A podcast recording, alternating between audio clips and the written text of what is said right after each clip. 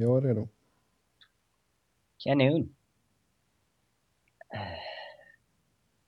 Procenten nyser bara. Det är svårt att hinna mjuta av sig nu.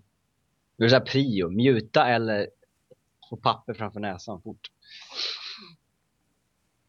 Eller få bort micken framför munnen. Ett hårt lev du lever. Inlandsproblem. Mhm. Nej. Så.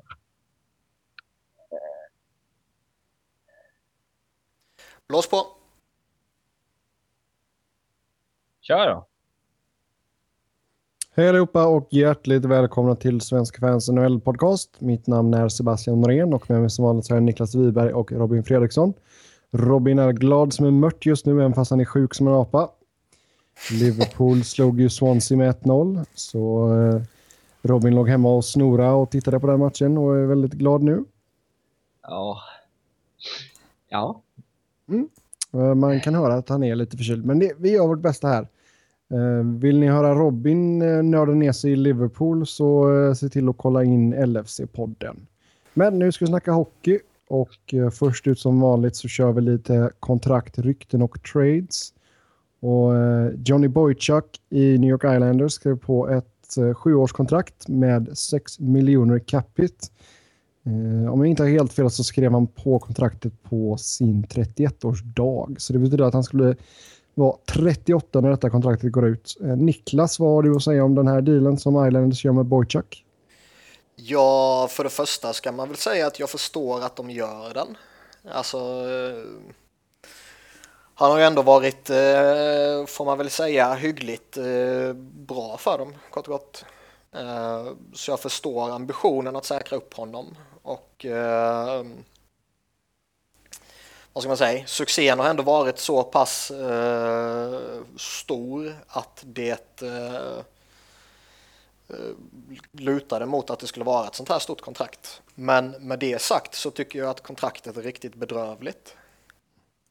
Alltså jag kan köpa pengarna ändå, för det skulle han ju säkert få om han gick till free agency, men sju år, alltså hade de kunnat... Termen Alltså- ska han säkert vara från Onda också. Det finns ju alltid någon som är tillräckligt liksom, Ja, ja, de, de skulle ju betala det. Men, men, men liksom, jag känner ju lite att okej, signa upp en sån här snubbe som eh, om man rent krast eh, egentligen kan konstatera att han har haft eh, 61 bra matcher. Alltså han, var ju, visst han var stabil och pålitlig så i Boston, men han var ju ingen drivande spelare hos dem. Eh, Nej. Uh, Leddy är ju bättre än Boychuk. Mm. Och han signar billigare. Visserligen är RFA, men eh, alltså ändå 23 Boychuk. Är väl liksom medveten om att han inte kan ta samma pengar som om han vore 27 just nu. Mm. Eh, men man förstår ju ändå ur Islanders perspektiv. De har ju haft så jävla svårt att locka spelare dit. De gav Iginla fyra år, han tackade nej. De gav Boyle tre år, han tackade nej. De gav till och med Benoit Pouliot fem år, han tackade nej. Han valde hellre Edmonton på fyra år.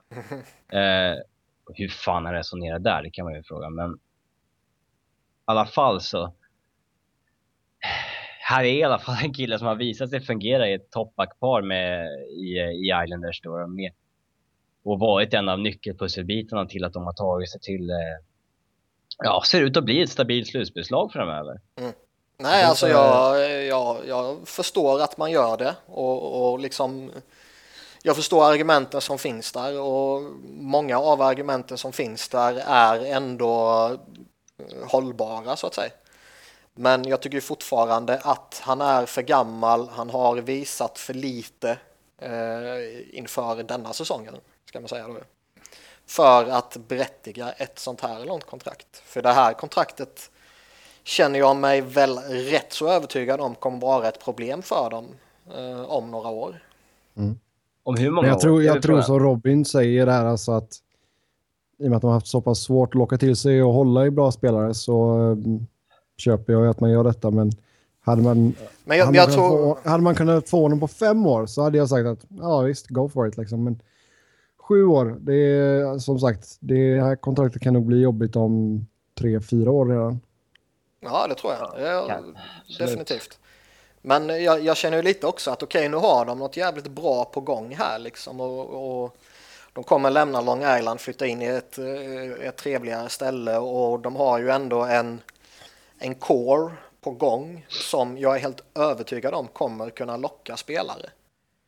Alltså spelare kommer vilja gå till Islanders för att få chans att spela med John Tavares. Um, och liksom de... alla andra unga som kommer underifrån nu. Ja, de har ju alltså, jävligt bra på uppgång. Det har de ju. Ja, de har liksom många fina backar på uppgång också. Ryan jag tänkte Kulak, komma till Griffin det. Reinhardt, Adam Pelch är väl typad också. Eh, de har många bra backar som sagt på uppgång. Så att, eh, ja, det där kontraktet kan absolut bli ett problem. Eh, eller det kommer bli ett problem förr eller senare. Det, det, det lovar jag. Mm. Men, eh, ja. Jag, jag är ju inte lika övertygad om att eh, Johnny Boychuk är eh, den framträdande spelaren när de här unga spelarna har kommit upp och kanske visat att nej, men det är de som ska spela powerplay istället. Men samtidigt ja, så blir, kan det väl bli att han får vara lite farfar över dem också när de väl kommer upp. Ja, och den rollen ska man inte underskatta, men eh, du ska inte signa upp den rollen på sju år. Nej, framförallt inte typ de pengarna. Hade han tagit en discount rent eh, pengamässigt så hade det väl inte varit något större problem. Även om sju år alltid är jobbigt på en spelare som är över 30. Mm. Men eh, ja, det finns ju stora pros och cons med den här dealen. Och jag, Snow har väl definitivt vägfördelar och nackdelar. Och, eh, sen en GM agerar ju inte alltid ute efter lagets bästa som man säger att han gör. Det finns liksom oftast en ägare som säger att nej men går du inte till slutspel nästa år igen så eh, då ryker du. Liksom. Han har samma insyn i, i, liksom, i sporten som kanske en GM har. Och han liksom har fått ett sånt ultimatum, om vi leker med den tanken, då är det ju liksom, ja då kanske han signar Boychuk för att rädda sitt jobb. För liksom om de, om de släpper honom så det blir ett jättehål där till nästa år helt plötsligt. Jag, eh, ja, det håller jag med om. Det, det, den argumentationen och det resonemanget, så det, det köper jag absolut. Det, däremot så känns det väl, eh, liksom, har han överlevt så här länge så tror jag ju inte att hans jobb är i fara. Ja, men har det inte varit liksom... där förändringar och skit där på? Jo, det är ju lite snack och så, men, men jag vet fan fortfarande, har, har han liksom överlevt så här länge och han nu ändå har gjort en del vettiga saker här och Eh, som sagt en del spännande kids på uppgång. Så nog fan borde han överleva lite till liksom. Mm. Ja, det, bo det borde han ju, för jag tycker att han har gjort en del bra på sistone för att väga upp det dåliga han gjorde innan. Men eh, mm.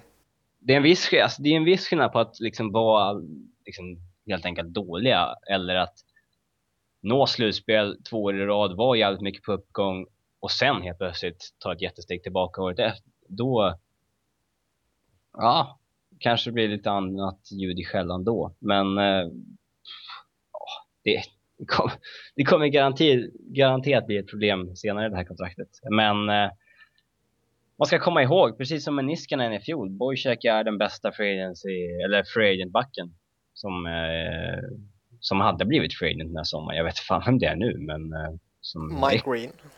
Skulle väl varit ja, redan just... innan Boychek, kan jag tycka. Ja, han, eh, ja, se om han når free agency, men... Mm. Nej, men givetvis var han ett av toppnamnen, det, det kommer man inte undan och eh, som vi sa i början så är jag väl relativt övertygad om att han skulle fått kanske inte exakt samma kontrakt, men ett väldigt liknande kontrakt på free agency. Mm. Men det, i, i Islanders fall så tycker jag ju faktiskt helt ärligt nästan att det skulle vara bättre att släppa honom än att signa honom på ett sjuårskontrakt med 6 miljoners capita. Ja, de har gjort det tidigare till exempel när Parento till exempel ville ha sina fyra blanka, vilket han absolut var värd efter att ha gjort 60 poäng två år i rad i, i en andra line bakom Tavares. Eh, då har de tagit beslutet att släppa och så vidare, men ja, nu kände de väl att de var på gång liksom. Att de liksom kan utmana och de har signat Halak och liksom har stabiliserat sig på flera positioner. Så att, ja. Hade, hade det varit så att de tradeade för Boychuk i, i somras med två år kvar på kontraktet och de ville förlänga nu i sommar och han säger ja, men då vill jag ha sju år, och sex mille. Då tror jag att Snow hade tradat honom. Men nu var det liksom antingen släppa helt eller släppa gratis eller mot ett jävla fjärdedelsval eller någonting och släppa rättigheterna liksom. Eh, och få ett jättehål i ditt första backpar. Eller ja, behålla honom och ta, fortsätta kliv framåt. Men det kommer bli ett problem senare. Uh, ja, det är fördelar och nackdelar där. Alltså det... Ja, absolut. Jag, som jag sa innan, det finns många argument för att man uh, gjorde rätt som förlängde med honom. Men jag är helt övertygad om att det blir ett problem i framtiden. Ja, vi får se vad som händer uh, i framtiden helt enkelt för Islanders och Garth Snow.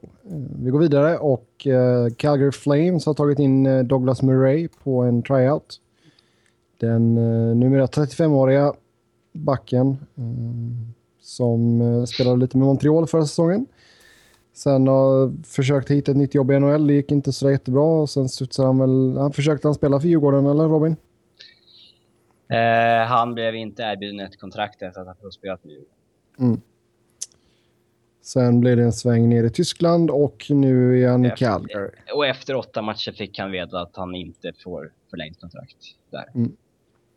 Så tryout med Calgary helt enkelt. Vad tror ni är bakgrunden till detta? En de måste ersätta Mark Jord. Mark Jordana måste de ersätta. Men grejen är ju det här, om vi tittar på, på det ja, nu går inte han in och... och de, de har ju... Det, det ska ju sägas Men. också, det är ju inte bara Giordano innan du går vidare Sebbe, utan det är ju Ladislav Smid som är borta säsongen ut också. Mm. Ja. Uh, och ja. så här är det. Om de nu skulle signa Murray så måste han gå igenom waivers först. Och det sen är ingen han... fara, kan jag ja, Det är väl ganska lugnt va? Ja, det är rätt lugnt. Om inte Men... typ Sabres plockar upp honom för att tanka ännu hårdare. Don Malonis counterattack. De tog in Lindbäck. Vad som helst kan ske i The Tank Wars just nu. Ja, exakt. Vi får se vad som händer. Men eh, skulle han gå igenom waivers då, vilket vi tror, så får han inte spela i slutspelet utan han får bara spela resten av grundserien. Ja. Det är inte så många matcher kvar nu. Nej, det är väl helt enkelt... Eh, jag tror verkligen inte att han kommer erbjudas ett kontrakt där. För liksom har han inte imponerat i Sverige eller Tyskland så tror jag inte ens en old school GM som Brian Burke, ja nu är inte han GM förstås men eh, det är han, han som bestämmer. bestämmer. Ja, kommer inte, eh, har jag svårt att eh, tro att han skulle signa en kille som Murray i det här skedet av hans karriär. Eh, de har ju ändå rätt hypade kids i, eh, i, i farmarlaget, så Tyler Waterspoon och Patricks, ja, jag vet fan hur han ska uttala det namnet, Sealoff eller någonting. Eh, men ja, tanken är väl att de, om Giordano och Smid är borta, liksom, vilket de kommer vara resten av grundserien vad det verkar, så ja, att han går in, kanske spelar 10 minuter per match och eh, ja, tar lite istid från någon annan eh, för att ja, alltså skador föder ju skador i och med att du måste gå hårdare på killar som inte klarar av det. Eh, då sprider du ut istiden på lite fler så det är väl det, eh, det är väl så de resonerar eventuellt. Men eh, jag kan det... inte tänka mig att de har någon, eh, alltså, någon sämre back i AHL eller, eller NHL. Det kan ju finnas det här också att de har eh, någon snubbe som de känner att han behöver höja sig och han kan höja sig. Om vi plockar in en snubbe utifrån så kanske vi kan pressa honom till att höja sig. Gör man verkligen en så pass stor move då? Alltså signa en spelare efter den? Alltså det Nej men det är bara att plocka in den på tryout liksom. Det är ju ingenting. Nej. Sätta den på hotell en vecka liksom. Det är... Ja. Han har tydligen gått ner med i vikt som fan. Eller mm. fan, 5-6 kilo typ. Nej, jag tror alltså, nej, alltså jag, jag, jag kan förstå om det, det finns alltid någon motivation till att, eller liksom argumentation för att ta in en, eh, en veteran för att typ pressa eh, någon egen spelare. Eh, det, det, ser man ju hela tiden på training camps liksom. Så om det handlar om ett, något sånt på något väldigt långsiktigt, eller långsökt menar jag, inte långsiktigt, långsökt tankesätt liksom och att han i princip var den enda som var tillgänglig, då, då, då kan jag förstå det under förutsättning att man inte signar honom såklart. Om vi tittar på eh, Flames backuppsättning just nu då så kör man Chris Russell Dennis, med Dennis Wideman, TJ Brody och Dirk Engeland och sen eh, David Schlemko och Rafael Diaz. som sista par och eh, känns väl som att Murray i bästa fall skulle vara en, en sjunde back här. Ja, han är inte bättre än någon av dem. Ja, och, ja, jag har svårt att se någon av deras toppkillar i AHL vara sämre. eller- De är rätt hypade spelare. Mm. Men jag vet inte varför skede de är i. Att de liksom, alltså det är möjligt att även om de signar Murray att han inte spelar en enda minut. Att de bara vill ha täckning ifall det blir en till skada. Liksom. Ja, nej, vi får se vad som händer. Alltså det är, man kan ju inte... Man kan ju inte klaga på hans kämparanda i alla fall. Han vill ju verkligen tillbaka till NHL. Ja, men då borde han ha tagit ett tryout-kontrakt i somras istället för att leka att han var för bra för det. Lätt att vara efterklok. Ja, absolut. Ja, sen lite skador då. Ehm, en Det är alltid trippel- kul. En trippel för Tampa Bay. Braden Coburn borta 4-6 veckor. Lower body injury. Samma sak för Palat också, en lower body injury, men de säger 2-3 veckor där. Och sen eh, Cedric Paquette borta två veckor. Upper body injury på honom. Ja, det är lite jobbigt eh, liksom det här skedet på säsongen. Eh, Ja, tre stycken framförallt. Ja, ehm, för de är ändå i en rätt eh, rejäl eh, kamp i Atlantic om att eh, roffa åt sig divisionssegern där och eh, till och med kunna hota om att ta hem hela Eastern liksom. Spännande natt emot Montreal här i natt nu när vi spelar in. Mm, verkligen. Eh, så, så det, alltså det, det, vad ska man säga? Det är ju inte så att de står och faller med någon av de här.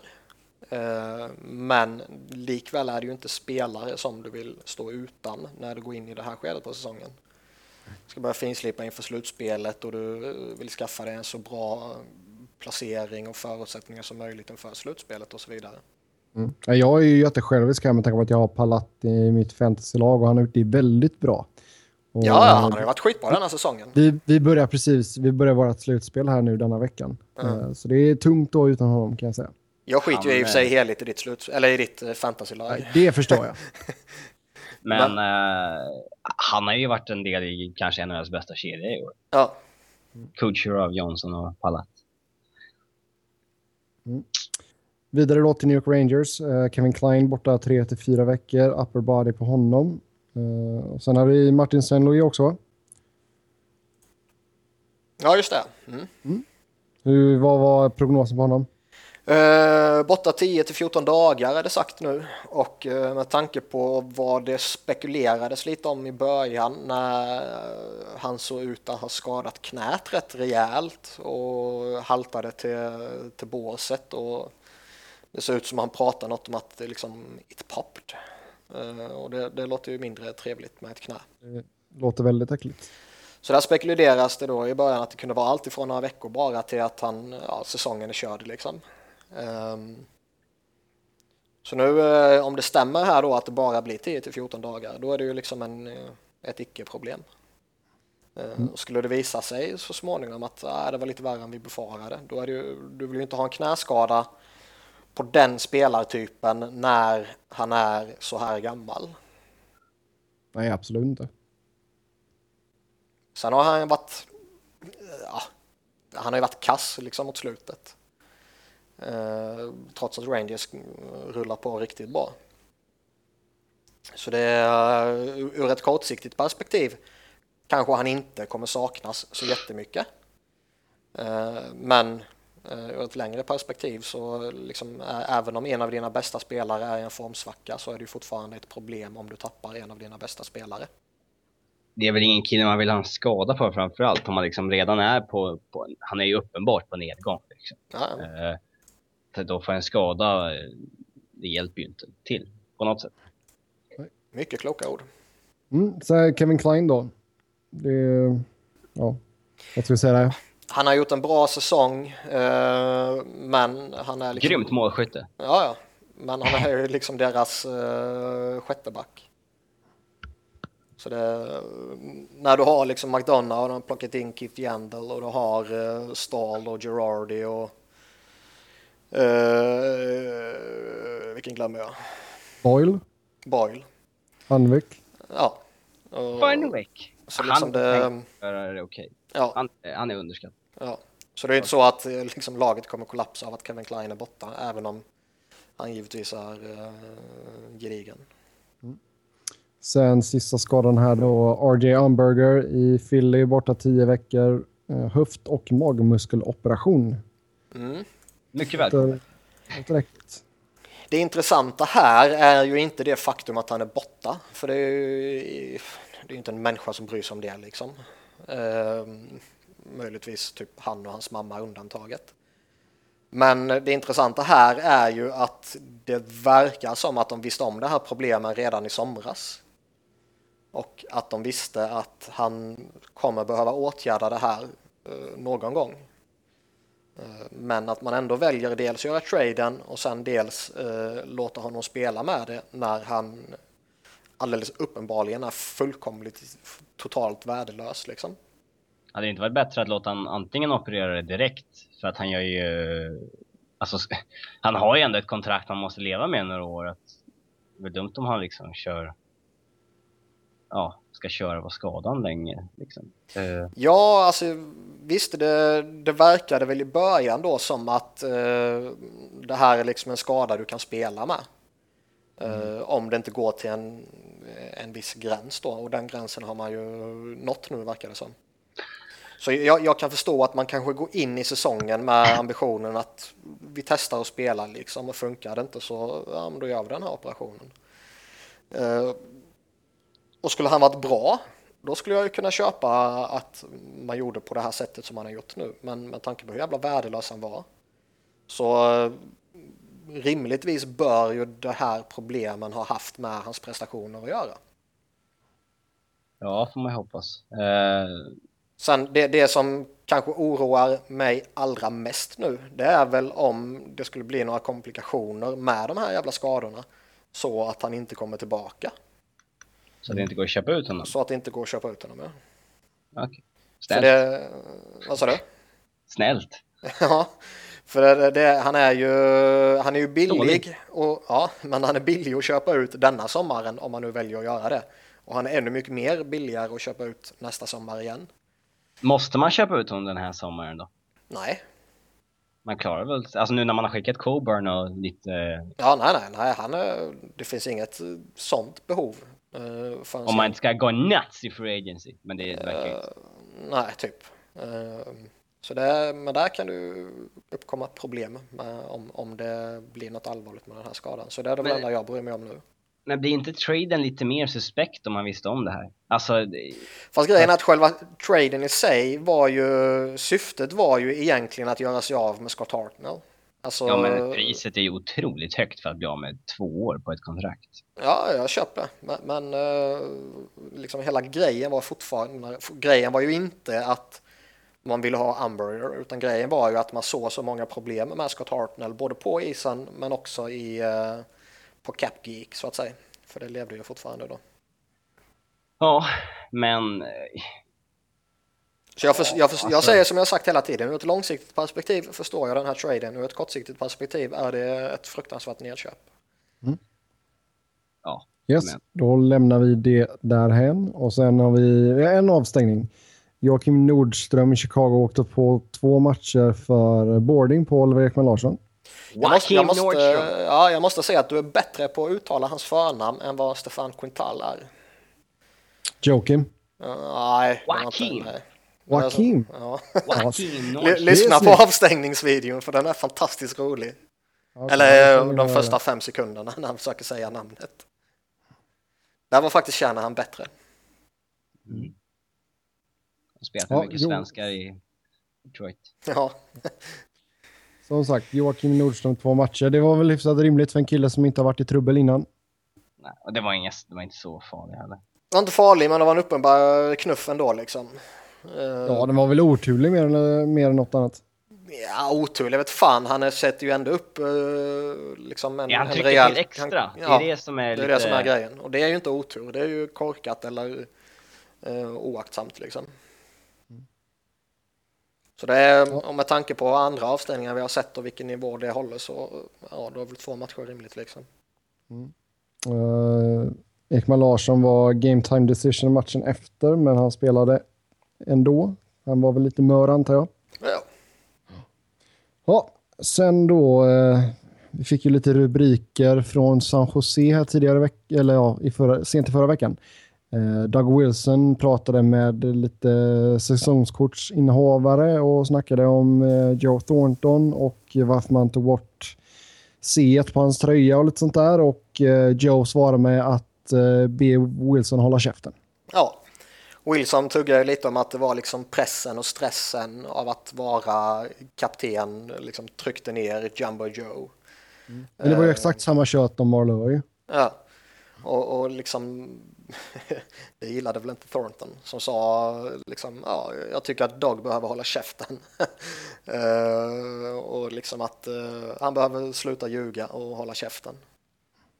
Mm. Han ljuger i och med att anledningen till att de tog bort C var att de tänkte trada honom.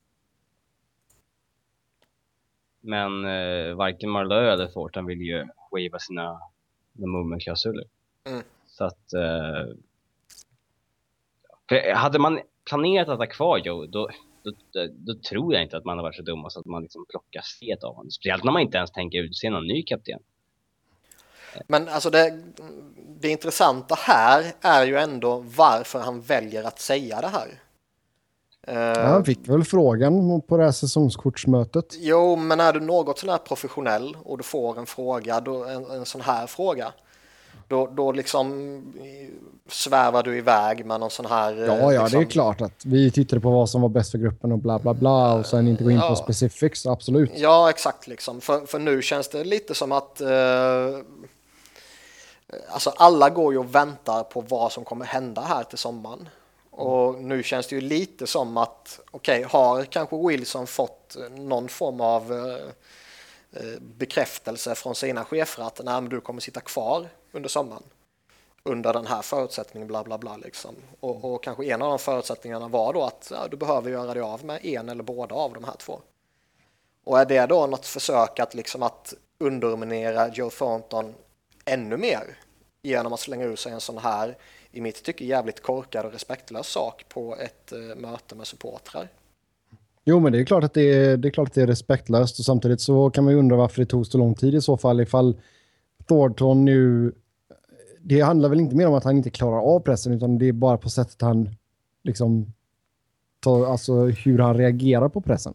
Att han är så lite det, grinig och sådär. Ja, det kommer ju lite intressanta grejer också nu från uh, Elliot Friedman tror jag det var. Där, där han uh, snackade lite om att det är liksom Joe Thornton, han är liksom alfahanen i San Joses omklädningsrum och att det håller tillbaka uh, vissa spelare. Uh, Men det är klart att alltså Wilson gör ju smart här ifall han vill försöka liksom göra sig ovän med, med Joe så att han tar och säger ah, ja men nu skiter vi där, trada bort mig. Fast det, tror, det tror jag inte det, hans syfte var. Nej, alltså nej, det, det, det, är det enda rimliga syftet jag kan se med att säga en sån här sak. Men Thornton har ju ändå gjort det extremt tydligt med att jag kommer vara kvar i San Jose. Och det sa ja. han väl återigen liksom efter det här också. Ja, han har väl, eh, Bob McKenzie har sagt det också, att han planerar att stanna där längre än både nuvarande coach och GM. Ja. Så att eh, och liksom ja. stå, står jag i ett skede till sommaren som, eh, som ägare av San Jose och jag får välja mellan Joe Thornton eller Wilson, då väljer jag ju Thornton. Men alltså, det går ju inte ens att göra sig av med Joe Thornton om han tokvägrar. Nej. Alltså då äh, finns det inte mycket val. Nej, och han är ju fortfarande, Nej. alltså man, man, kan ju, alltså kolla lite med som typ Philadelphia gör med La Cavalier om man nu försöker tvinga honom till att antingen acceptera trade eller sluta i förtid. Liksom. Att du, du sätter honom i, en fjärdekedja, spelar skräp, du petar honom, du liksom förnedrar honom mer eller mindre. Men grejen med Joe Thornton är ju att han är fortfarande en av ligans bästa playmakers och fortfarande så bra så att han är eh, en topp 6-center i princip i vilket lag som helst. Eh, ja, det är han Alltså han, han, kanske inte skulle gå in före Malkin och Crosby i Pittsburgh liksom. Men, men, eh, vilket lag som helst där det skulle vara rimligt att placera in honom så skulle han ju vara en topp 6-center liksom. Så det, du kan ju inte gå den vägen heller om du vill göra dig av med Thornton för då kommer du bara idiotförklara dig själv och få hela liksom, supporterskaran mot dig. Mm. Nej, jag håller med dig där och det är som sagt alltså Fansen kan- gillar ju fortfarande Thornton. Det, känns som att den här äh, alltså kökssituationen med Thornton och Marlö att den påminner lite om när Canucks höll på att braka där med Longor Schneider situationen. Att eh, det här kan verkligen sänka Sharks nu. Alltså vad, vad som är på väg att hända här. Liksom det, Ja, ja, alltså det, det är ju många, alltså många har ju sagt att det, ja, men det har funnits lite snack här och där om, om San Jose hela säsongen. Att ja, det kanske var det här som briserade liksom.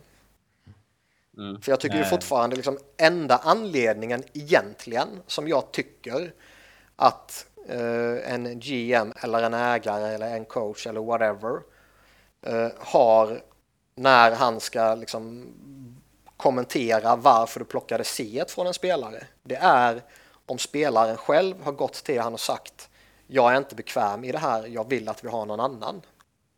Ska man bara säga no comment på alla kaptensfrågor i Ja, evighet? ja. E- Eller liksom nå- någon sån där flummig liksom eh, allmän eh, liksom svar att, ja, men som Sebbe var inne på, ja, vi tyckte det här var bäst för gruppen, punkt. Eh, Jo, för det var ju lite grej med Marleau. Han kom väl och bad om att eh, ja, det kanske inte är bäst att jag är kapten. Liksom. Jag kommer inte ihåg, var det Jag verkligen för det? mig att, jag har för mig att det var det. Det är ganska länge sedan nu så det Jag minnet för- jag har för mig att det inte var så. Ja, vi får kolla upp det. I alla fall, just nu så ligger San Jose... eh, ja, vad ligger man i wildcard-racet så ligger man eh, fyra. Man är fyra poäng bakom Winnipeg just nu då som har sista wildcard-platsen. Alltså man ligger bara en poäng före Colorado. Det är helt sjukt ju. Man tycker att Colorado har haft en tokdålig säsong och San Jose är ändå... ah, De har inte varit lika bra som vanligt men man tycker ändå att de har vunnit mer än de har förlorat. Ja, det har de ju faktiskt. Ja, om man räknar in... Eh, om du räknar bort overtime.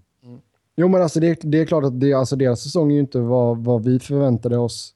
Eller inte jag i alla fall. Jag trodde fortfarande att de skulle vara ett stabilt grundspels eller grundserielag. Liksom att det skulle vara som vanligt i Pacific. Men Pacific har ju varit lite ja, hipp som happ den här säsongen. Eh, förutom Anaheim så är det ju egentligen ganska öppet ändå vilka som tar de andra platserna.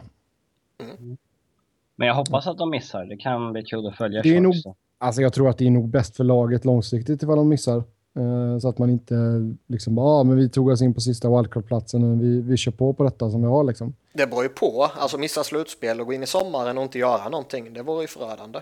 Jo, jo. Men jag, men- jag menar det. Missa slutspelet, kicka Wilson och sen försök att göra någon form av retool i alla fall. Mm. Eh, kanske släpp, låta Niemi gå och lite sånt där, men ja, vi får se vad som händer liksom. Sen är det ju klart att de, eh, de har ju så, alltså killar som Raffi Torres har de ju saknat hela säsongen. Eh, Ja, man kan inte skylla Men det, på nej, det, alltså, det, det, Nej, nej, det är ingen alltså, som det är avgör så- din säsong. Absolut inte, men det är en sån jäkla bra kille att ha i liksom, till exempel en tredje kedja liksom. Ja, Eh, men det är, fortfarande, det är fortfarande ingen spelare som välter din säsong. Nej, men jag tycker rollspelarna i San Jose har varit för dåliga denna säsongen. Men alla, alla lag har skador på den nivån. Vi får se vad som händer i alla fall. Det är inte samma kaos som i Toronto i alla fall. Så eh, något Nu, positivt. nu är det ju nästan mer där fan. Ja, det vet fan. Ja, Fanuff har vi i alla fall inte sagt åt sin GM att dra åt helvete. Nej, det är sant. Nej, närmsta vi kommer är väl uh, Kessel när han gick ut och sa att det var inte Förnuft som byggde det här laget. Ja. Men sen ska vi ju komma ihåg att det var samma Joe Thornton som sa att han skulle lassa ut Dasen ifall han gjorde fyra mål. Ja, men det, det var ju ändå off the record han sa det. Ja. Eh, Det här var ju i allra högsta grad on the record. Ja, eh, vi går vidare och eh, vilket lag tycker vi är the team to beat i respektive konferens? Och, vi får ta en liten upp, uppdatering här om slutspelsracet. Vi börjar ute i öst kan vi göra. Just nu så har vi New York Rangers som leder med 95 pinnar. Och sen har vi eh, Montreal tätt bakom på 93. Det är svårt i. East tycker jag. Alltså det, I normala fall skulle man ju säga Pittsburgh och Boston liksom. Eh, Men de det är kan man ju inte, nej det kan jag inte säga nu och, och låta seriös. Eh, Rangers tycker jag inte är så bra som tabellen säger. Nej, men Nej. liksom, jag, jag tycker ju fortfarande att titta på Montreal och Tampa Bay och, och, och Rangers som kanske är de tre lagen man vill hålla som någon form av favorit liksom. Så tycker jag fortfarande att jag litar inte på något av de tre lagen fullt ut. Nej, Tampa har inte lyckats i några slutspel än. Mm. Sen att det har varit skador och skit, eh, eh, det, är en sak. Men eh, de har ju floppat i slutspelen hittills trots att de har ett jäkligt bra lag. Mm. Jag tror inte att de gör det i år i och för sig, men eh, det är snarare så att team to beat är väl Montreal om man ska säga något. För de har en NHLs bästa målvakt den här säsongen och ja, de känns jävligt sammansvetsade som lag liksom. Du vet vad du får av dem på ett sätt som du... Mm. Eh, jag det kan vara lite har- mer upp och ner. Men när du går upp mot dem går du fortfarande upp mot ett lag utan centrar på den nivån som de andra eh, topplagen har. Ja, men det brukar ju... har ju funkat rätt bra ändå. Har det? ja, de har väl gått rätt långt i slutspelen i alla fall. Ja, inte tillräckligt långt. Det är det jag menar. Ja, men alltså bara för man inte går till final. Det är inte bara de som går till final som är bra lag. Så. Nej, men det är det som är hela syftet med slutspelet. Är du ett, eh, ett topplag i ligan och du inte går till final så är det ett misslyckande tycker jag. Mm, alltså Montreal vill man ju gärna ändå så hålla som kanske favvisar där med tanke på just Carey Price.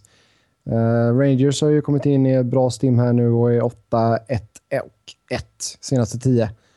Ja.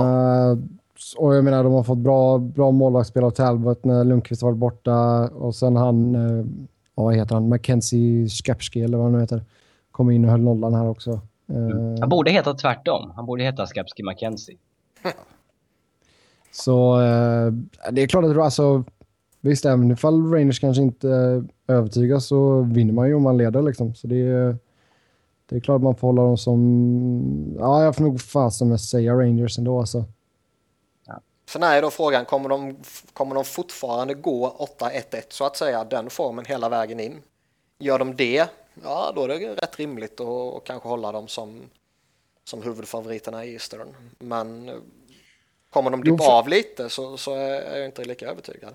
Ja, och sen framförallt är jag imponerad över hur de har spelat på bortais. Jag menar båda, båda lagen spelar jäkligt bra på bortais och har bra, bra records på bortais. Eh, Tampa, ja sådär, de är riktigt starka hemma, 26-7-1. Men på bortais, ja 16-14 och 6. Brukar det där verkligen ha någon form av korrelation med hur det sen går i slutspel på bortais? Ja, det tycker jag väl att det gör. Kings, eh, när de var bra borta så var ju de sjukt bra borta även på, i slutspelet. Så, ehm, Nej, jag är jag, tveksam. tycker, att- jag tycker absolut man kan väga in det. Jag vi får allt- se. Allt Vi får se helt enkelt. Vi får följa. grundserie-records brukar inte spela så stor roll när det väl är dags. Slutspel. Ja, men alltså det har väl lite med självförtroende också. Jag menar, spelar du bra på bortais då har du det självförtroendet när du kommer till en annan arena. Liksom att, vadå, det här är väl inget speciellt. Och sen när du är lag som Montreal och New York så har du ju mer eller mindre alltid mycket fans på bortais också. Ehm, så det kan jag absolut väga in. Jag vet inte hur, hur Tampas supportrar eh, hur de brukar eh, sluta upp på bortamatcher men jag kan väl gissa Slutar några NHL-fans upp på bortamatcher? Ja. Ja, det finns ju vissa lag som har eh, supportrar i, i Ja, varenda stad. Alltså Rangers, Däremot har de ju inte de här, eh, de har inte den här re resekulturen, alltså som, som Robin kanske menade. Nej. Det här att du tar en, eh, som det är i kanske Sverige, liksom att det ändras Brynäs supportrar som åker till Göteborg liksom. Klart att alla vill åka till Göteborg, herregud. Eh, nej, så Men det finns ju inte i USA och att det- Kanada och det har väl kanske med ju lite Geografi ju. ja, precis. Ehm, Ekonomi också. Ja, men, men, men alltså vissa lag, de här stora klassiska lagen, de har ju en supporterskara i nästan i vilken stad som helst som har någon form av liksom hockeymarknad så att säga. Yes. Okej, ska vi eh, kolla in slutspelsracet här och eh, wildcard-platserna i öst. Så just nu så har vi Washington på första kortet där, 84 pinnar och sen Boston på andra kortet, 82 pinnar. Ottawa jagar 77 och Florida jagar 76. Ska vi dra en linje där? Ja, Flyers kommer inte att hota. Dra en lina där du. Men Det är det, tri- trist att Boston håller på att döda all spänning där. Mm, Det är lite tråkigt. Ja, alltså vi, Men det, vi det, fin, det finns ju fortfarande att- lite, Ottawa har ju fortfarande, liksom vinner de, de har ju två hängmatcher upp mot, eh, mot Washington och en hängmatch mot Boston. Ja. Eh, vinner de två hängmatcher mot Caps och sen eh, ska de möta Caps också. Eh, De möter och de plockar, ja, och, och de plockar liksom det, då ser det ju helt plötsligt jävligt tajt ut ju. Mm. Men Sen- det känns inte som att det blir något. Nej, eller samma sak där som liksom det här snacket, Rangers har gått 8-1-1, kommer de göra det hela vägen in? Kanske Nej. inte. Uh, Ottawa har gått 8-1-1 senaste 10, kommer de göra det hela vägen in? Definitivt inte. Å andra sidan Nej, har Boston yes. gått 7-2-1 och jag tror väl inte de kommer göra det hela vägen in heller. Nej, det är svårt att förutse form sådär. Det är, eller liksom vilka som kommer få studsarna med sig. Det är ju... Alltså Ottawas målvaktsspel är väl lite mer ohållbart med tanke på vem som står i mål. Så att eh, det har vi, han har vi inte ens snackat om i podden än, men eh, att Andrew Hammond har, har gått in och, ja vi har Tagit, fem, tagit ligan med storm. Om, Ja. du har, om du har läst körschemat så vet du att det kommer snart. ja vi ska ju snacka Ottawa. Så mer om det lite senare. Eh, Florida då, har vi inget hopp? Eh, Man ska väl inte räkna ut dem, eh, för de har ju fortfarande en, eh, en, vad ska man säga, en stomme som kan eh, plocka på en formtopp liksom. Men eh, De behöver vinna tre raka. De behöver vinna sina två matcher kommande mot Montreal och Detroit. Och sen så har de Boston. De behöver vinna den mot Boston för att göra det spännande. Men- Är avståndet för långt när de möter Boston så tror jag att det kommer att... Mm. Ja. Hoppet är nog Ottawa och jag tror det hoppet är väldigt litet. Då hoppar vi över till västra konferensen. Där ser vi Anaheim i topp, 95 pinnar. St. Louis 93 pinnar och Nashville 93 pinnar. Ehm, I, ja, alltså det är ju nästan mer spännande att snacka Pacific här känns det ju som.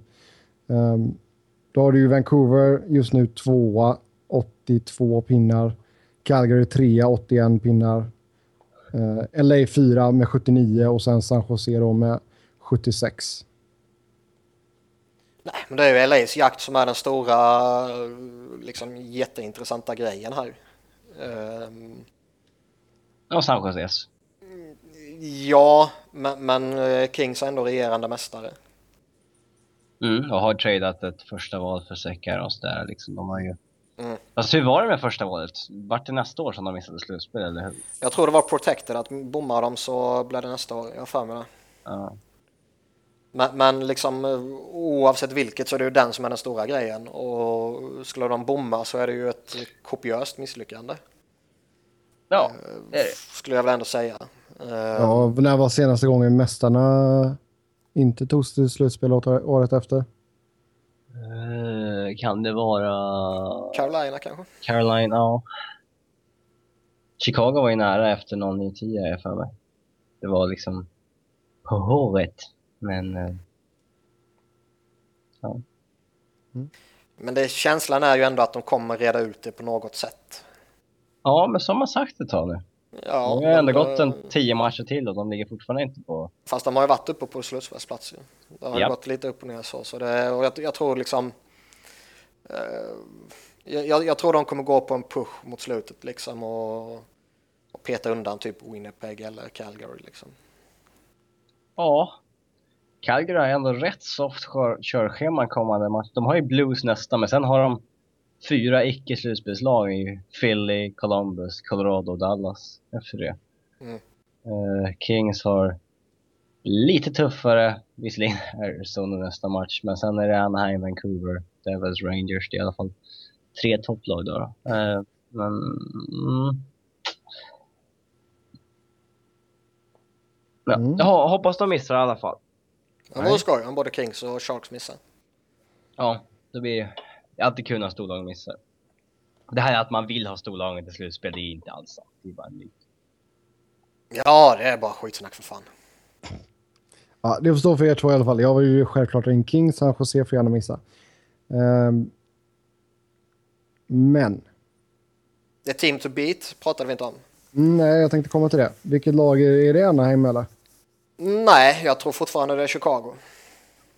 Ja, jag tror det också. Ska Det du är- ta dig till finalen så tror jag det är Chicago du måste gå igenom liksom. Och trots att de inte har Kane så...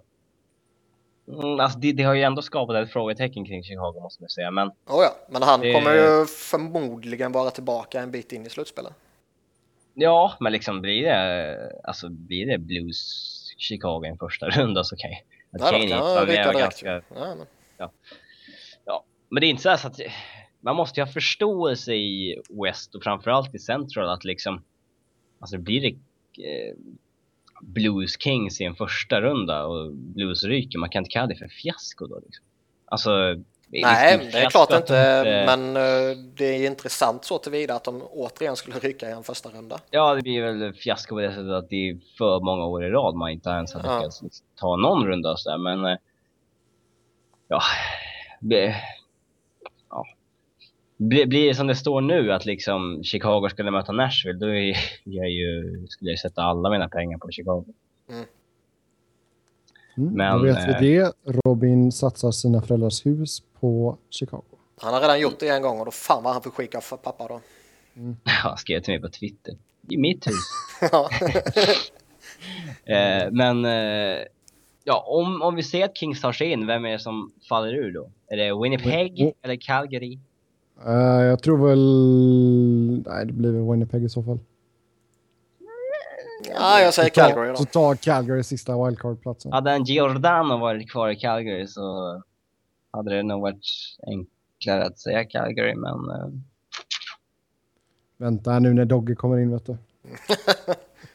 mm, Ja, vi går vidare. Eh, vad tycker vi om snacket om att kanske köra tre mot tre i övertid istället för fyra mot fyra? helst två mot två. Det skulle vara, det skulle vara eh, sna, snacket som går är väl att köra i, eh, som i AHL med några minuter fyra mot fyra och sen några minuter tre mot tre. Eh, och det gillar jag. Eh, jag skulle tycka det var ännu roligare om de skulle kört några minuter eh, fyra fyra, några minuter tre mot tre, och sen typ två mot två och sen en mot en. Ja.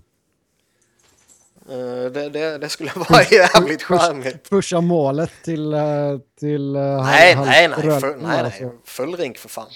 Jobbigt när det blir en mot en och den ena tar en hakningsutvisning så man får sätta in och spela två mot en. Ja, men fatta hur skoj det skulle vara. Ja. Nu kommer nu kommer ju... matchup Där Ja, Crosby mot Giroux till exempel. ja, för fan. Jobbiga sen när du måste byta liksom. Hur fan gör du? Ja. Slå. Dumpar och så får du köra som fan. men eh, nej, men det, det kommer aldrig ske. Det, det är ju bara... eh, Nej, Men det tre mot, ju- Tom- tre, mot tomt tre är ju som sagt rimligt. Ja, jag tycker det skulle vara skitskoj. Eh, jag var väl rätt så tänd på det när de införde det här i Sverige. Eh, Här har ju Bort, bortsett, från att de, ja, bortsett från att de var införde det mitt under säsongen. Det var ju en jävla cirkus ju. Men, men eh, det har väl inte varit så lyckat som man kanske trodde och hoppades. Nej, det har varit pisstråkigt. Mm. Alltså det, är riktigt, det har varit sämre än de tidigare övertiderna. Mm. Det har varit eh, jättetråkigt att kolla på. För att lagen deffar, så att in en center och två backar och försöker hålla alla man bakom pucken liksom. Ja. det är, Och de, har inte riktigt fatt, de har inte fattat riktigt att det är våga och vinn som gäller i 3 mot 3. mm, Eh, och, sen finns så ju- finns ju inte den här elite-talenten, finns ju inte här heller. nej. Sen är det ju fortfarande, alltså skulle det bli tre mot tre i NHL så är det fortfarande lag som skulle resonera exakt likadant även i NHL. Men jag Men de tror... skulle ju straffas, alltså ja, de skulle exakt. torska. Ja, exakt. Jag, jag tror att liksom, de här riktigt bra lagen tror jag Slänger väldigt sällan eh, skulle liksom fega ur så att säga.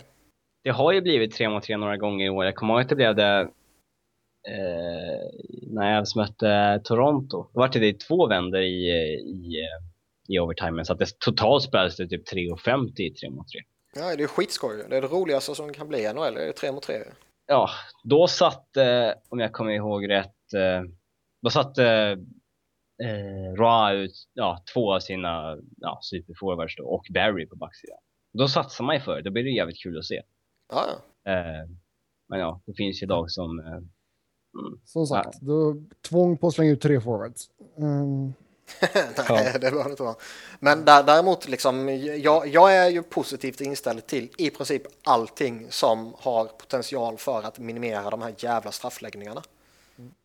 Och det har ju 3 mot 3 i allra högsta grad. Absolut. Det vet vi ju till er som har lyssnat ett tag att Niklas har ett, eh, vad ska man säga, ett hat för straffläggningar som är av eh, Guds nåde.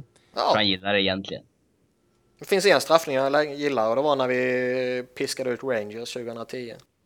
Jag skulle säga att det finns en straffläggning jag gillar och det var i OS 1994 i Lillehammer. Internationell hockey känns det som en annan... Uh... Ja, men det är klart man får ha det när det är OS och sådana grejer, men... Uh... Alltså, det är ju faktiskt hur jäkla stort antiklimax hade det inte varit om alltså, OS här i Sochi hade, hade avgjorts på en straffläggning. Ja, jag tycker straffläggningen är ovärdig att avgöra för fan. Både inte... på alla sätt och vis, oavsett match, oavsett turnering, oavsett betydelse och så vidare. Det är fan ovärdigt. Jag gillar det. Jag tycker det är kul. Ja, det är ovärdigt. Ja. Inte, jag vill inte att det ska vara i mitt slutspel, varken i landslag eller i... Det är ovärdigt. Ja, då... Ja, oh, gud. Då eh, tar vi lite lyssnarfrågor istället och eh, först ut så eh, är det en fråga om Rangers här och ska man överväga en Henrik Lundqvist-trade med tanke på hur bra Cam Talbot har spelat eller ska man försöka att maximera Talbots värde och trade iväg honom? Jag tycker ju definitivt inte att man ska släppa Lundqvist. Kan man släppa Lundqvist? Uh, ja, alltså kan, kan du trada är... David Clarkson och Wayne Gretzky så kan du ju trada Henrik Lundqvist. Uh, man kan alltid mobba ut en spelare om det är så. Uh, mm. Alltså han sitter ju på klausul och grejer. Så det, men det, det, skulle väl alltid kunna gå att lösa på något sätt. Och, och... Ja, det känns ju som att det skulle bli, alltså... Nej, det skulle bli någon form av folkuppror eller någonting. Ja, det beror på utbyte ju. Men, men eh, jag, jag, är helt övertygad om att det skulle gå att göra. Däremot tycker jag det är helt fel att göra. Eh, Cam Talbot, ja han har varit skitbra under den här perioden och jag tycker han är en väldigt duktig backup. Eh, tycker jag han har visat en Ja, under sin tid. Han har, väl, liksom. han har väl visat att han är alltså, en av de bättre backuperna i ligan. Ja, och liksom han, han, klarar av det här att hoppa in med extremt ojämna mellanrum och, och prestera och han klarar som jag sett nu bevisligen av att han hanterar många matcher i rad om Lundqvist skulle bli skadad. Du har Enzo Lundqvist på i kontrakt i 2021 med en capita på 8,5. Ja, det kommer bli ett problem. Det ja, det kommer bli ett problem, men han är ju fortfarande eh, en bättre målvakt. Fortfarande topp fem i ligan liksom. Och, ja. och de går före nu. De har skickat fyra första över i rad. Mm. de kan inte skicka den bättre målvakten då. Nej. Vad det... tror du man skulle kunna få i ett utbyte för Talbot nu då när han ändå så står väldigt högt i kurs? Ja, fråga Oilers. Det... jag vet det, så, det finns inga som köper målvakter idag. Liksom. Det... När det väl kommer det dyker upp en köpare, då får man liksom nöja sig med tredje som har fem eller Det är liksom... Han har väl, vad är det, han har kontrakt med nästa säsong också? Ja, på under, på minimumlön i stort sett. Ja, ja, visst. Nej, det har han inte. Ja, just det, han förlängde ju, kommer jag Han har ju det... en bra bit över miljonen, har jag för mig. Ja, han förlängde ju, eh, kommer på nu. Uh, han har väl, uh, uh, vad blir det? Han har väl sitt på under miljonen resten av säsongen, men den nya kickar in efter säsongen. Ja. Däremot så är det ju beroende på, man ska i allra högsta grad lyssna på bud eh, till sommaren. Mm. På Henke? på Cam. Ja. The man. Det har ju, som du var inne på, det har ju pratats en del om Edmonton liksom. Och Men de måste på... ju fatta att de måste, alltså ska de göra nya liksom Shrivens och fast trades? Liksom? Ja, nej, jag tycker ju jag tycker inte det är rätt av Edmonton att göra det. Men om de eh, vill kontakta Rangers så är ju Rangers dumma om de inte lyssnar. Ja, det är klart. Ja. 1,45 sitter han på nästa säsong. Ja.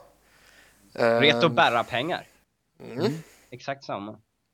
Däremot så, eh, alltså med tanke på som, som vi har konstaterat tidigare avsnitt och som Robin sa för en liten stund sedan så är de ju i en extrem jävla win now mode. De har ju eh, satt sig i en sån situation så att det är liksom ja, Stanley Cup eller jättemisslyckande. Alltså, Ja, ja. Så under den förutsättningen kanske man till och med ska ge allt för att behålla honom. Henke eller Tam? Cam? Ja, båda två då. Men jag menar Talbot. Alltså, för, alltså om Henke skulle gå sönder i ett slutspel eh, så är det ju en jävla lyx att kunna slänga in Cam Talbot tycker jag. Ja, Macken Mackenzie Skapski vet vi inte riktigt vad han går för nu i och med att han inte har spelat så mycket. 20 bast liksom. Ja, och liksom även om man tittar på nästa säsong om de skulle släppa Talbot till sommaren och plocka in någon annan kanske eller köra vidare med Mackenzie. Uh, oavsett vilket så är jag ju tveksam till om de hittar en målvakt som är lika bra som Cam Talbot.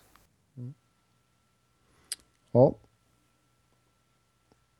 Så uh, slutsatsen är att gör inte någonting med någon av dem. Ja, om inte Edmonton kommer med ett CP-erbjudande. Mm, jo, självklart. Ja, då går vi vidare och nästa lyssnarfråga är då angående Ottawa och eh, ska man satsa på Andrew the Hamburglar Hammond och eh, försöka skicka någon av Lener och Anderson? Eh, nej och ja. Nej, man, och måste skicka, eh, man ska inte satsa på Hammond, men man bör absolut skicka en av Henderson och Lener. Alltså, vi pratade ju om det tidigare när man förlängde med båda två att man kanske satte sig i en liten dum sits här. Och, alltså, går det att skicka Anderson nu i sommar? Eh, alltså, det få, och få något vettigt tillbaka. Alltså. Ja, ja, han har ju okej siffror i år så att eh, det är väl inte omöjligt att San, San Jose kanske liksom om de släpper Niemi eller eh, Edmonton. den Edmonton som sagt liksom eller ja, det finns ju alltid något lag som är han har ju ett Ja, rimligt han har riktigt. ja, kanske eh, det beror på om de satsar mot nästa år eller inte eh, Arizona kanske vill nej inte så länge Mike Smith är kvar för sig Nej. Men, eh, men ja, det kommer väl alltid finnas ett hem för honom någonstans, men eh, Det intressanta är ju är, liksom de här eh, vad är det 11-12 matcherna som Hammond har gjort eh, tillräckligt stor sample size för att eh, på riktigt liksom bedöma honom. nej, Nej, det är klart det inte är det. nej, Eh, inte ens nästan. Nej. det, är klart, det är klart att det är anmärkningsvärt utav bara helvete att en kille som har typ legat under 90% i AHL och 27 år gammal går upp och vinner, ja jag vet inte, 11 av 12 matcher och en räddningsprocent på nästan 96. Mm. Det är ju eh, extremt anmärkningsvärt, men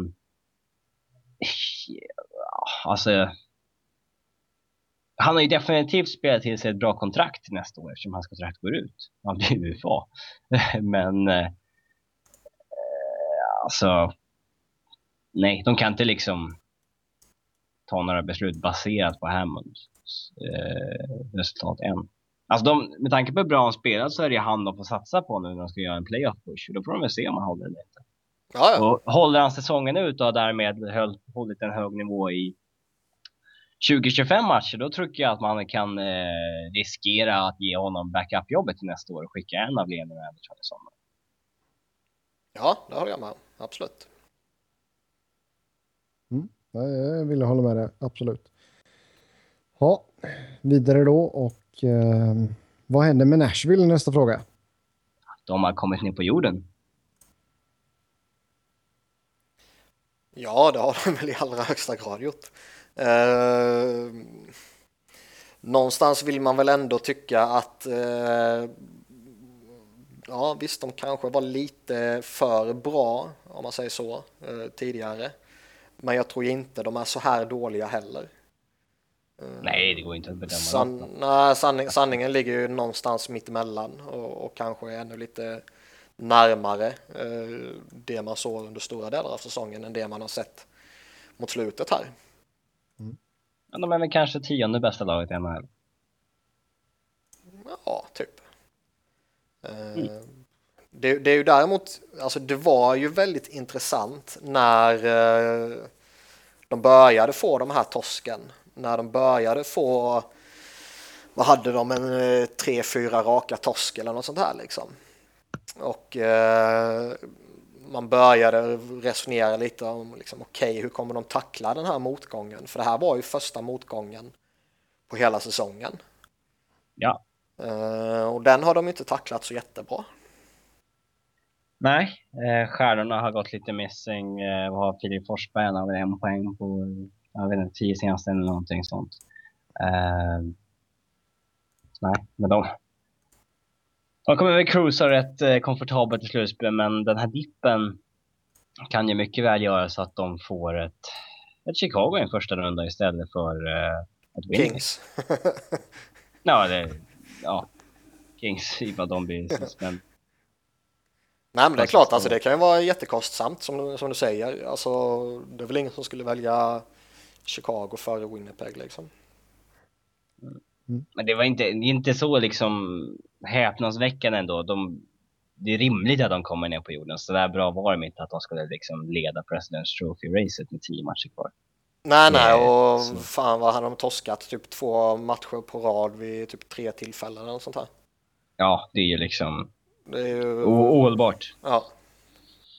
Du går inte igenom en hel säsong utan att ha en ordentlig losing streak någon gång. Mm. Mm.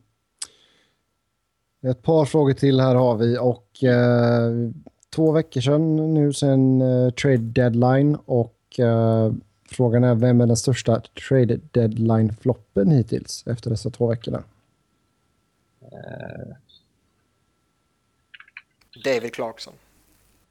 ja.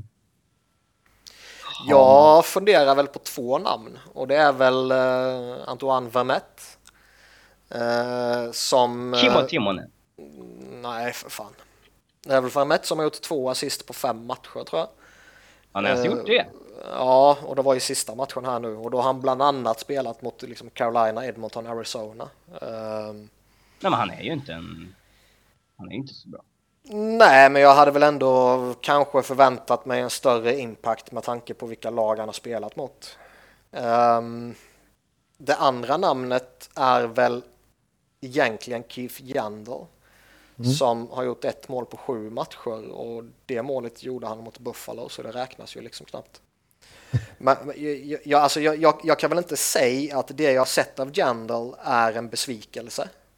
Alltså, men, Rangers har ju vunnit liksom. Ja, Rangers har vunnit och han har inte varit dålig, men han har inte gjort sina poäng.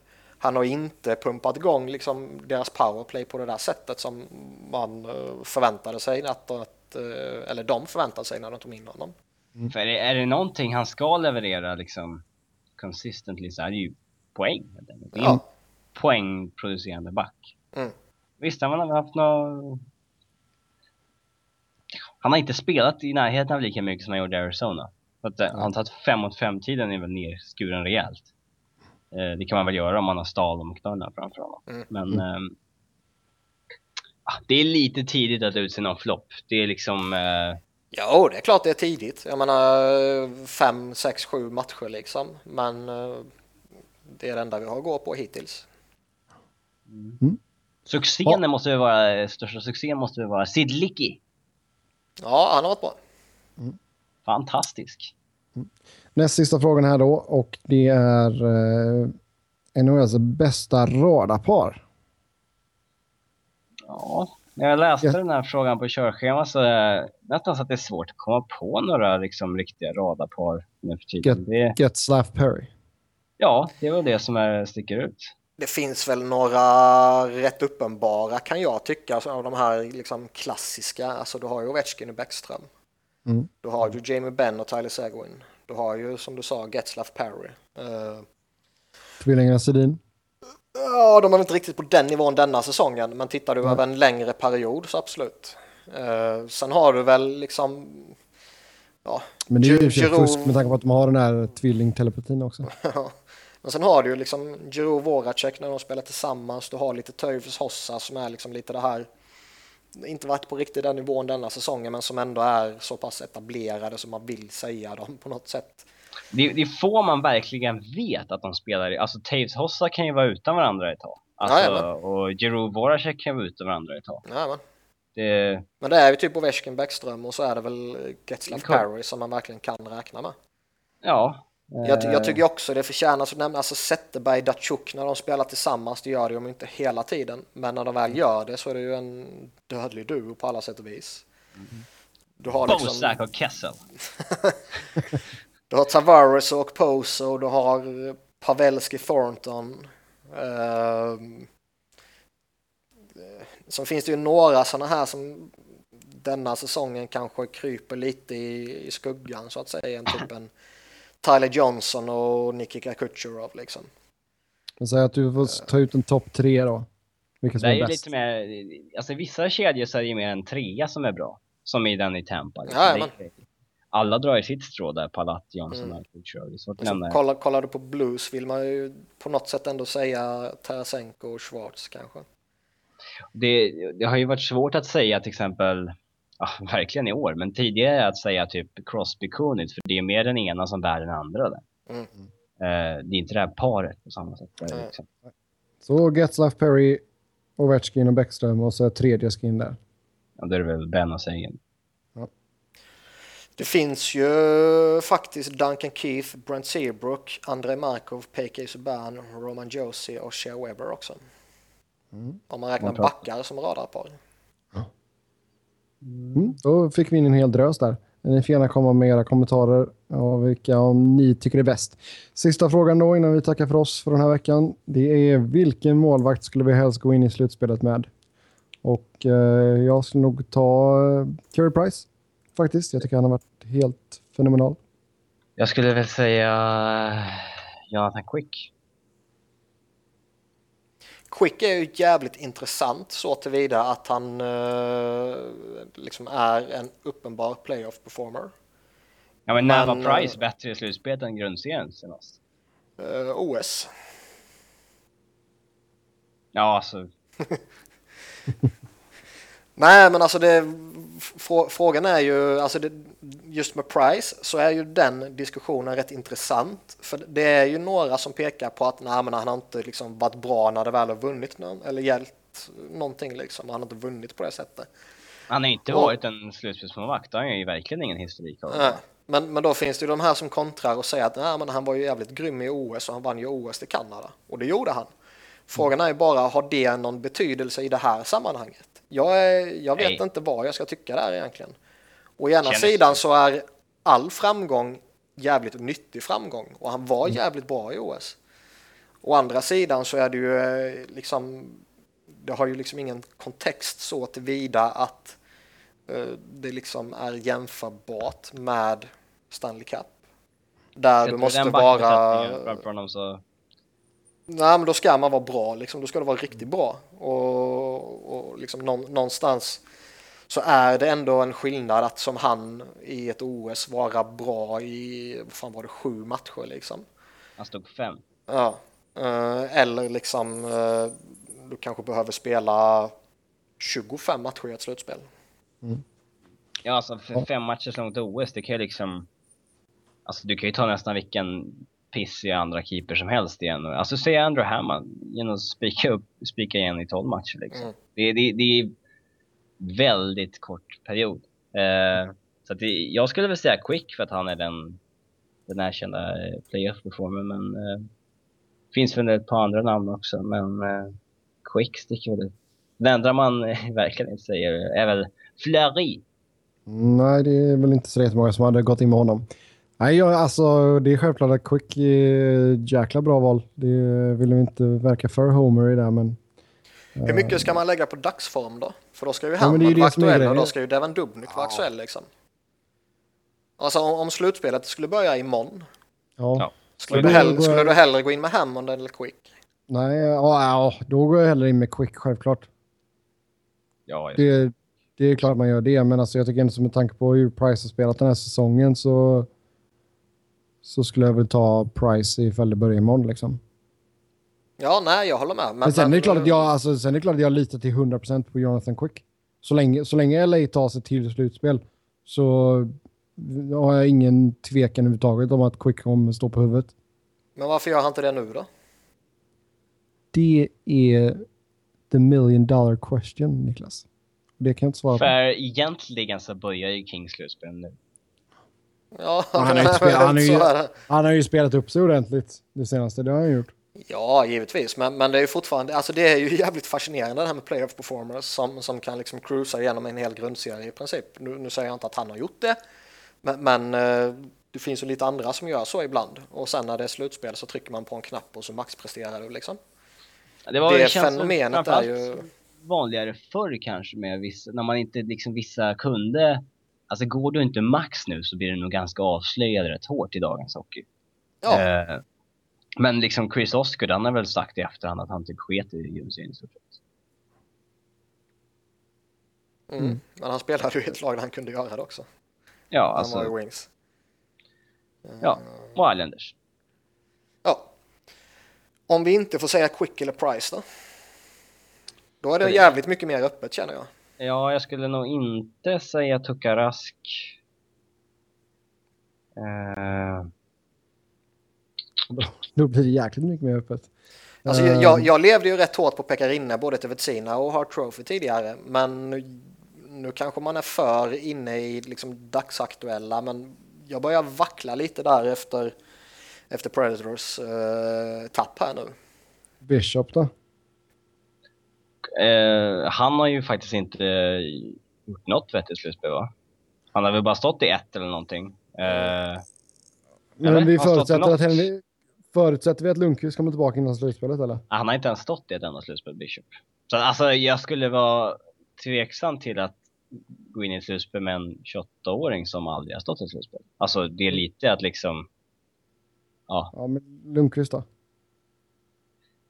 ja, det får man väl eh, Det finns, Ja, ju alltså, mång- säga mång- det finns många sämre alternativ än Lundqvist. Ja. Jag skulle, Corey inte Crawford. säga, jag skulle inte säga Corey Crawford. Äh, vadå, han har inte så vunnit. Ja, det var ett jävligt bra... Antiniemi också har vunnit. Michael Layton var nära att vinna också. Alltså det... Det är väl lite det, alltså, jo, men alltså, jag köper det resonemanget. Alltså när det är målvakter som har lite slutspelsrutin så är det klart att man blir lite sådär, nja. Alltså det är ju därför jag, jag tycker Anaheim har ju ett dunderpar med Gibson och Andersen, men samtidigt liksom, vad har de gjort i ett slutspel? Inte särskilt mycket. Nej. Andersen gick väl bra i Frölunda. Det brukar du värdera högt ju. Ja, jo, det är klart att jag värderar det högt.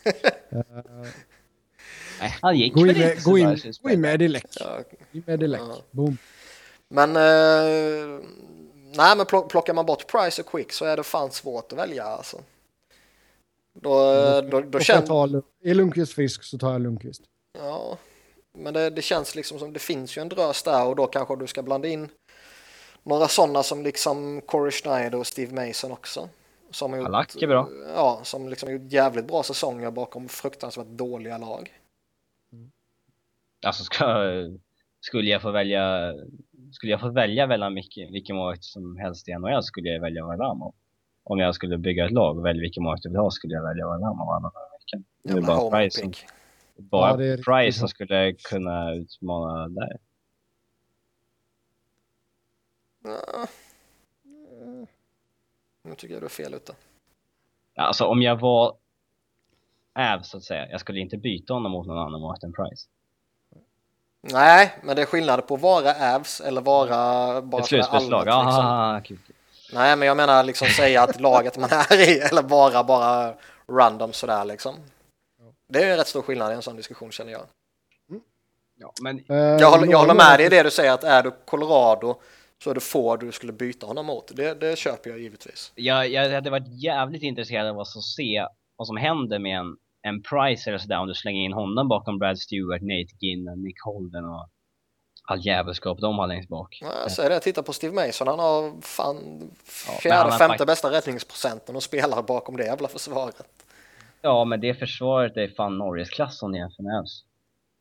Mm, I synnerhet när Eric Johnson är skadad. jo, kanske. Då har du Strite och Barry som tar ut varandra och sen så är det liksom... Mm. I alla fall NHL-backar. Det är, Ja, nu tycker jag du är snäll.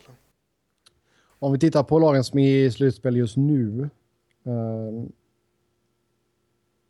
så jag menar, vad, vad tror ni till exempel Jonas Hiller? Ja. Ja, han har väl ett rykte, eller han har väl haft ett rykte om att vara ja, lite opålitlig i slutspel, eller? Jimmy Howard. Mm, han har väl Howard gillar jag väl så sett, men det är väl ingen spelare jag skulle liksom han har väl pinpointa ingen, och han har väl in ingen historik av att spika igen. Alltså i ett slutspel. Jag kommer inte ihåg. Nej, inte inte Alltså, han har kommer ihåg på rak arm. Ja. Hans räddningsprocent håller väl ungefär samma nivå som i grundserien i alla fall. Men jag tycker det är, det är ju ganska intressant att se hur, hur våran värdering av Tukarask har sjunkit genom golvet verkligen. Ja men det är väl, alltså det har väl alltid som något sagt, alltså funnits någon form av tvivel där. Liksom hur bra är han egentligen nu när den backbesättningen antingen blir sämre eller utan den backbesättningen. Och eh, visst, han har bra siffror nu för de har fortfarande ett, ett bra försvar i mitt tycke. Jag, det intressanta är att det till och med har funnits snack eh, liksom från rätt okej källor att att de inom Boston inte är särskilt övertygade om att Toke Rask is the man. Mm. Det, det, det, som är, det som är intressant i den situationen, det är ju när man tittar på Chad Johnson. Som framstår som en jävligt grym backup när han var i Boston. Eh, gick till Islanders som ändå har varit bra denna säsongen. Och totalfallerar där liksom. Och, och blir liksom Buffalos drömvärvning. Mm. Efter Anders Lindbäck då såklart. Så det, Mm, det, det, det Lindbäck- kanske... Lindbäck är ju givet val i och för sig. Så det, det, kanske talar lite ändå för att eh, till viss del så är det en produkt av Bostons system. Eh, så även Tokarask. Sen är ju eh, Chad Johnson en större produkt av systemet än vad Tokarask är. Ja, Men eh, det är ju rätt givet att när du har ett så väldryllat lag och du tittar tillbaka några år där de hade liksom 20 utespelare där alla var jävligt pålitliga på alla sätt och vis i princip. När du plockar bort eh, en drös av de spelarna och utarmar laget rätt saftigt så är det ju rätt uppenbart att målvakten kommer exponeras än mer det, de, alltså Rask har ju väl alltid varit en bra, eh, bra målvakt, men han, han, alltså workloaden är inte jättehög i Boston oftast.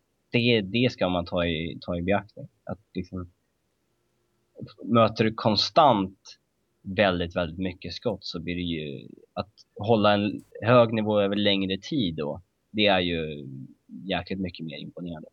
Där har ju till exempel både Quick och Schneider alltid gått en liten gräddfil genom att snitta typ 23-24 skott mot sig per match. Medan eh, till exempel Bernier och Varlamov i fjol snittade nästan 10 mer per match var. Och det känns väl i längden. Mm, det är klart. Ja.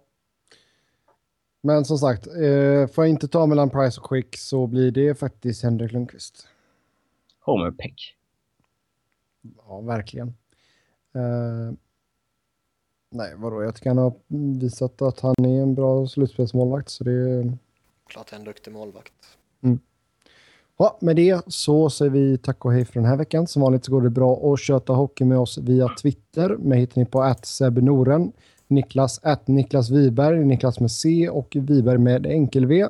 Och så hittar ni Robin på R underscore Fredriksson.